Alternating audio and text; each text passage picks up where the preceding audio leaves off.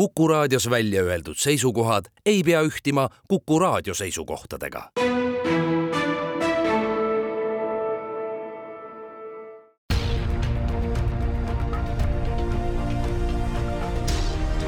uue samba taga.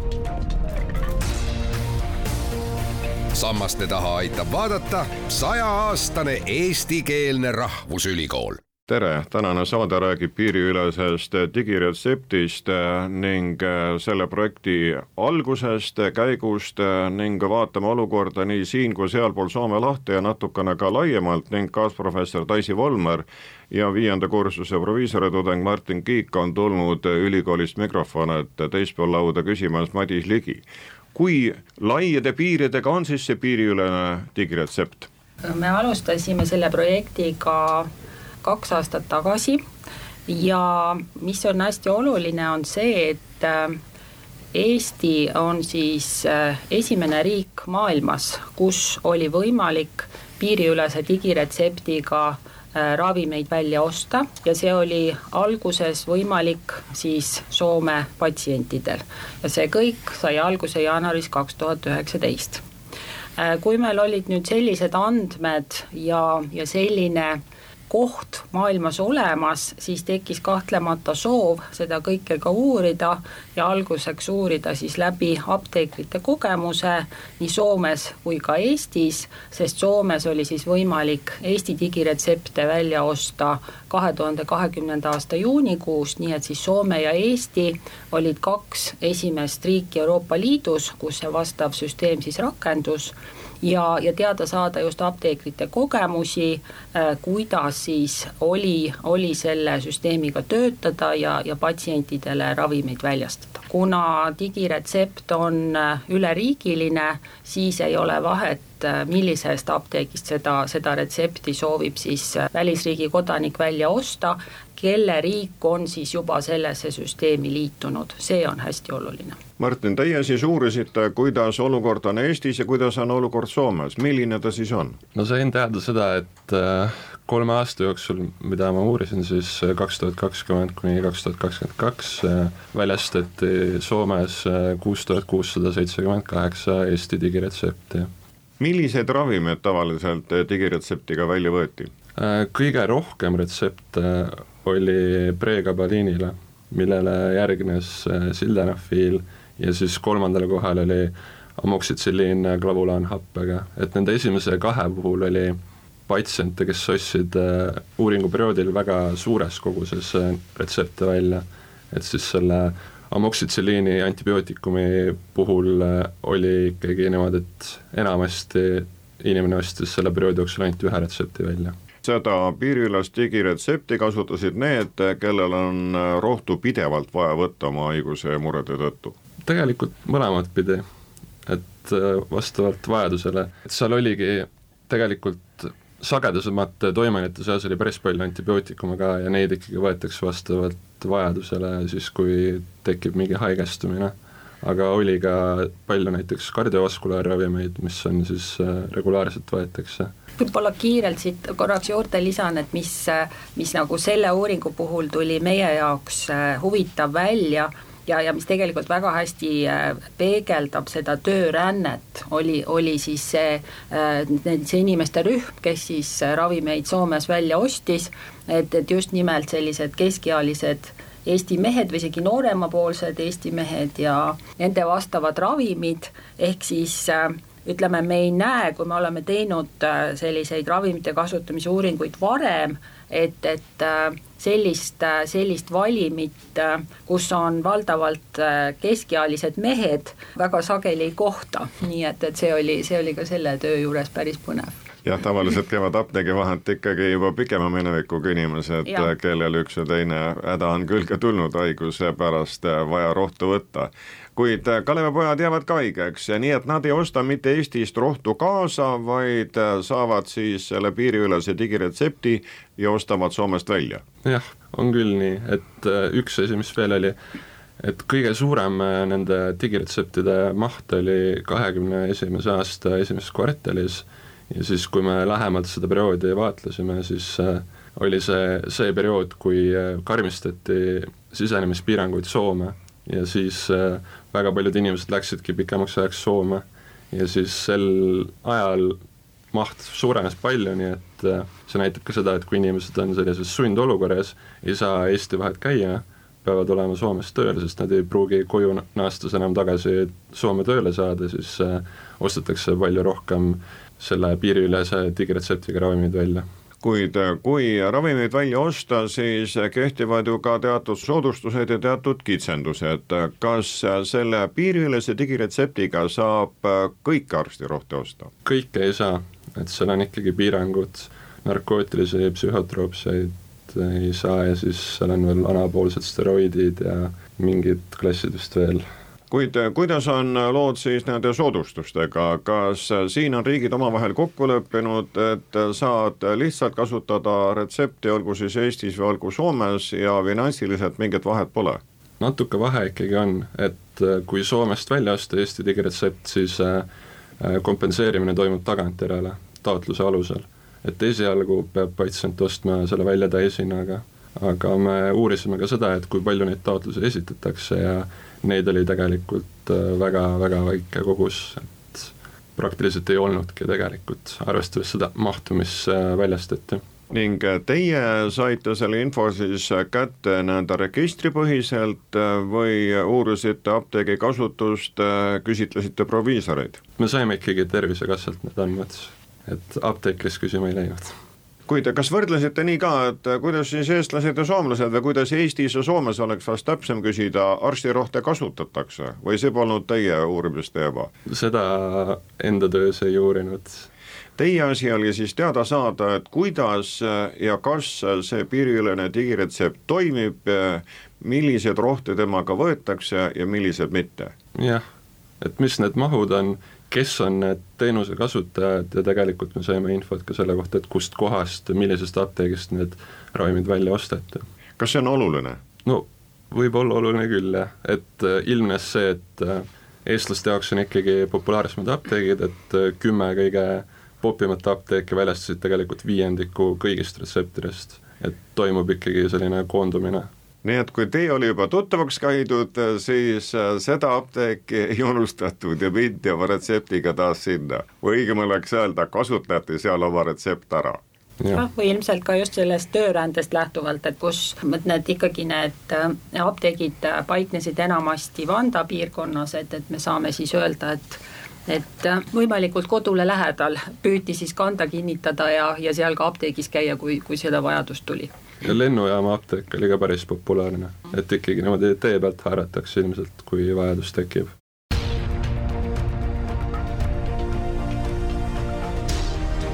uue samba taga.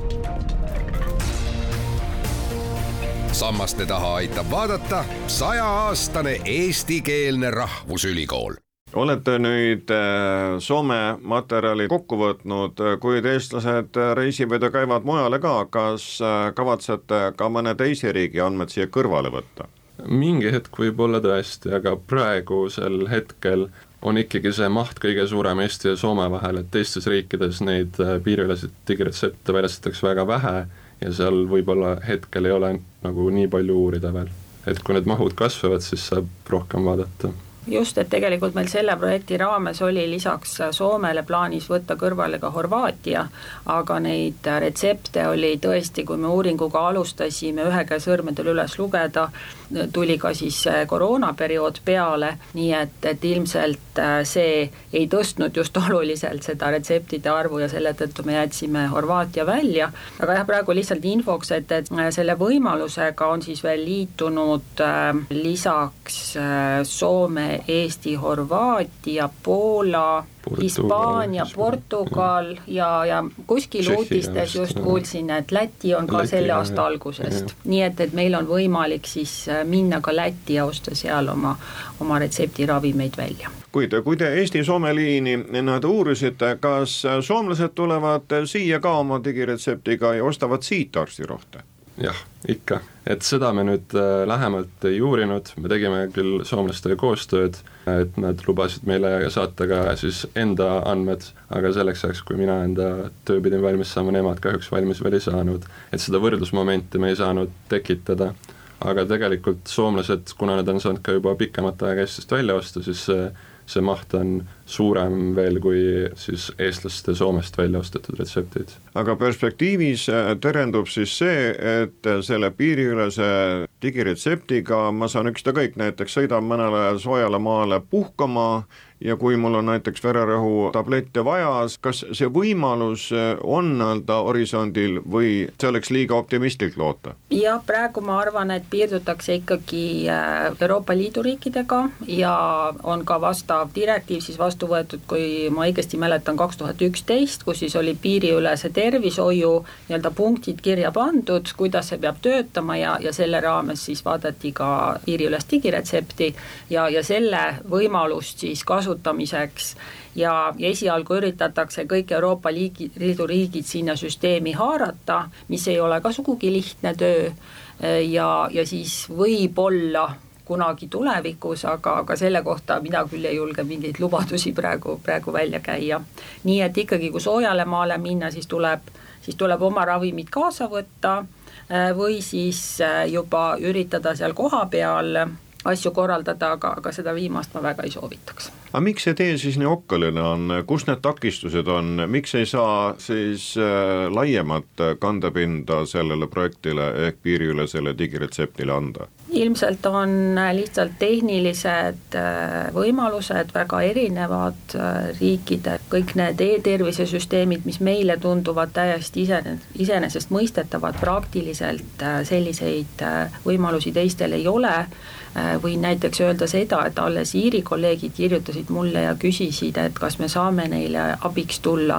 e-retsepti kohta info andmisel, et neil on jätkuvalt isegi äh, siseriiklikult veel paberretsept kasutusel. et, ähm, et kui, kui me nagu saame kõigepealt selle äh, selle digiretsepti omale riiklikult käibivaks, et, et sealt järgmine on siis see piiriülene digiretsept, et, et lihtsalt minu meelest seal on need süsteemid juba, juba nii erinevad. Ja, ja ütleme ka ilmselt teine, mille võib välja tuua, on ka,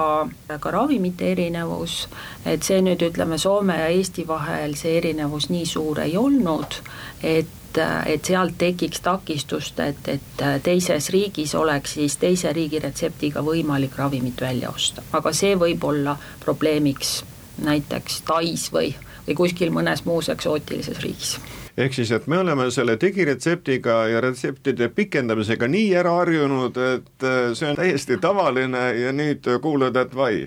veel on paberretseptid kasutusel ja,. jah, nii on. jah, minu meelest Saksamaa ka siiamaani üritab veel seda käima saada kuidagi, et see on hästi pikalt venima jäänud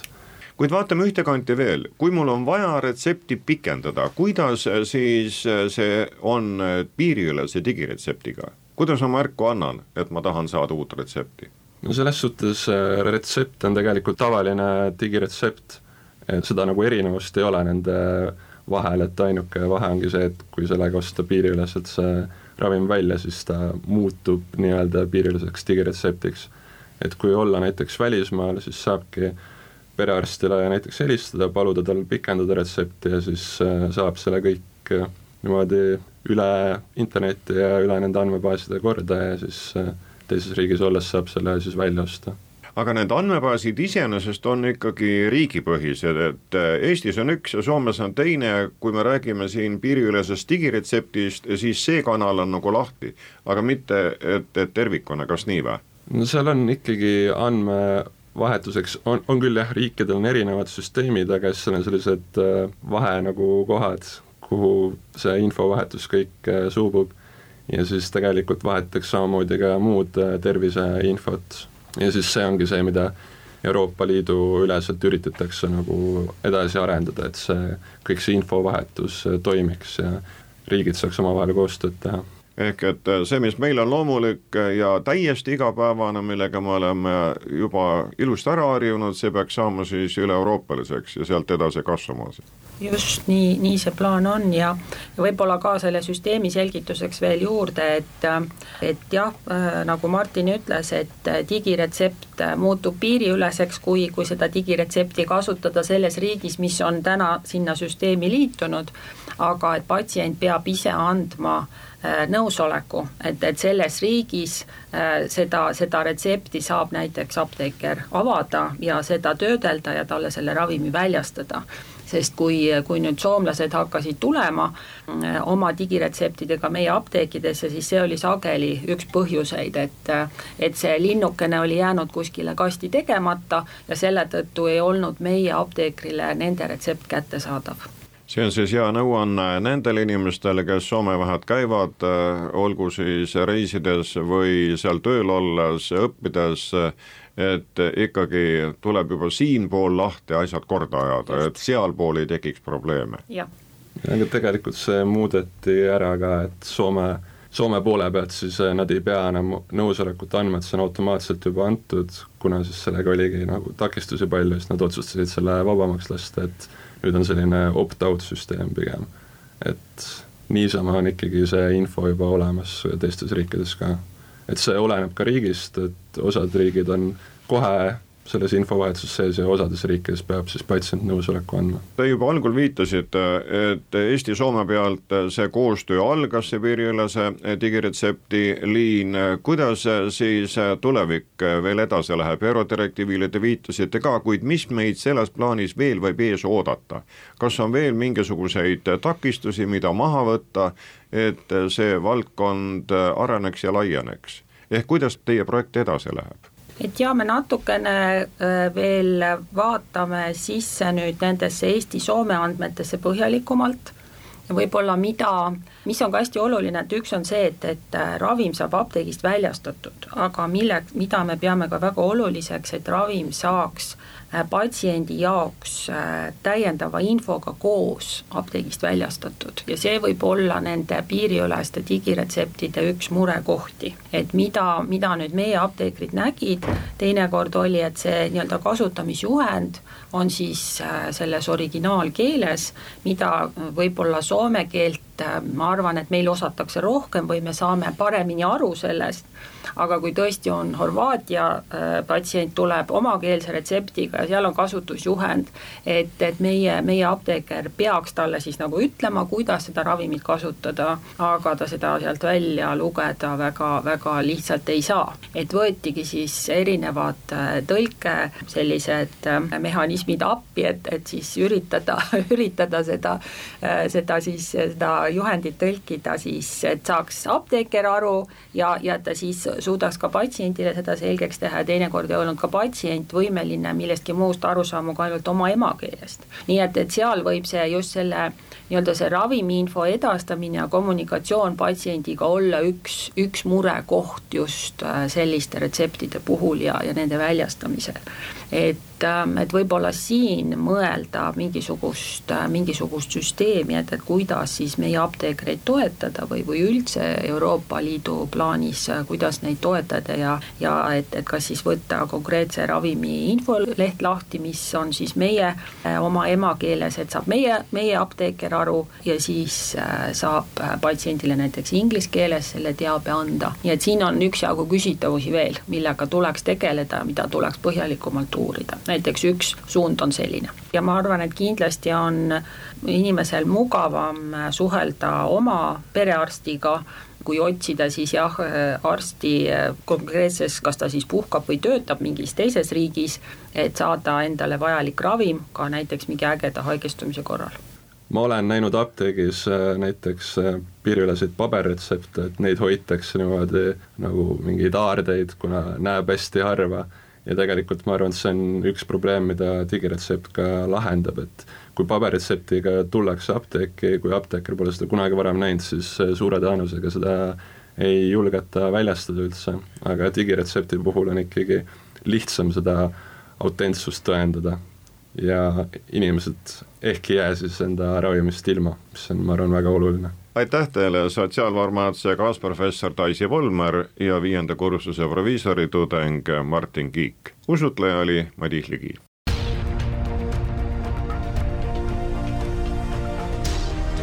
uue samba taga. sammaste taha aitab vaadata sajaaastane eestikeelne rahvusülikool